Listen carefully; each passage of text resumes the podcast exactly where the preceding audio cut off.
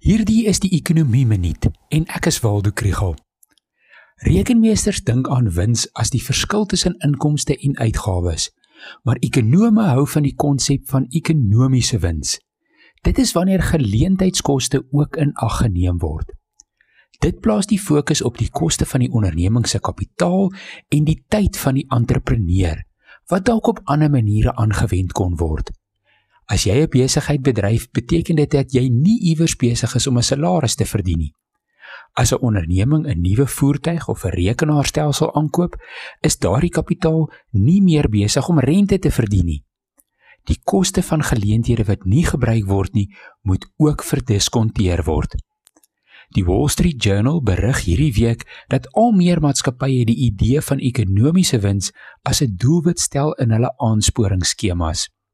In PepsiCo was die gevolg die besnoeiing van kapitaalbesteding en daar is minder geld vasgevang in uitstaande rekeninge en voorraad en dit verbeter weer kontantvloei.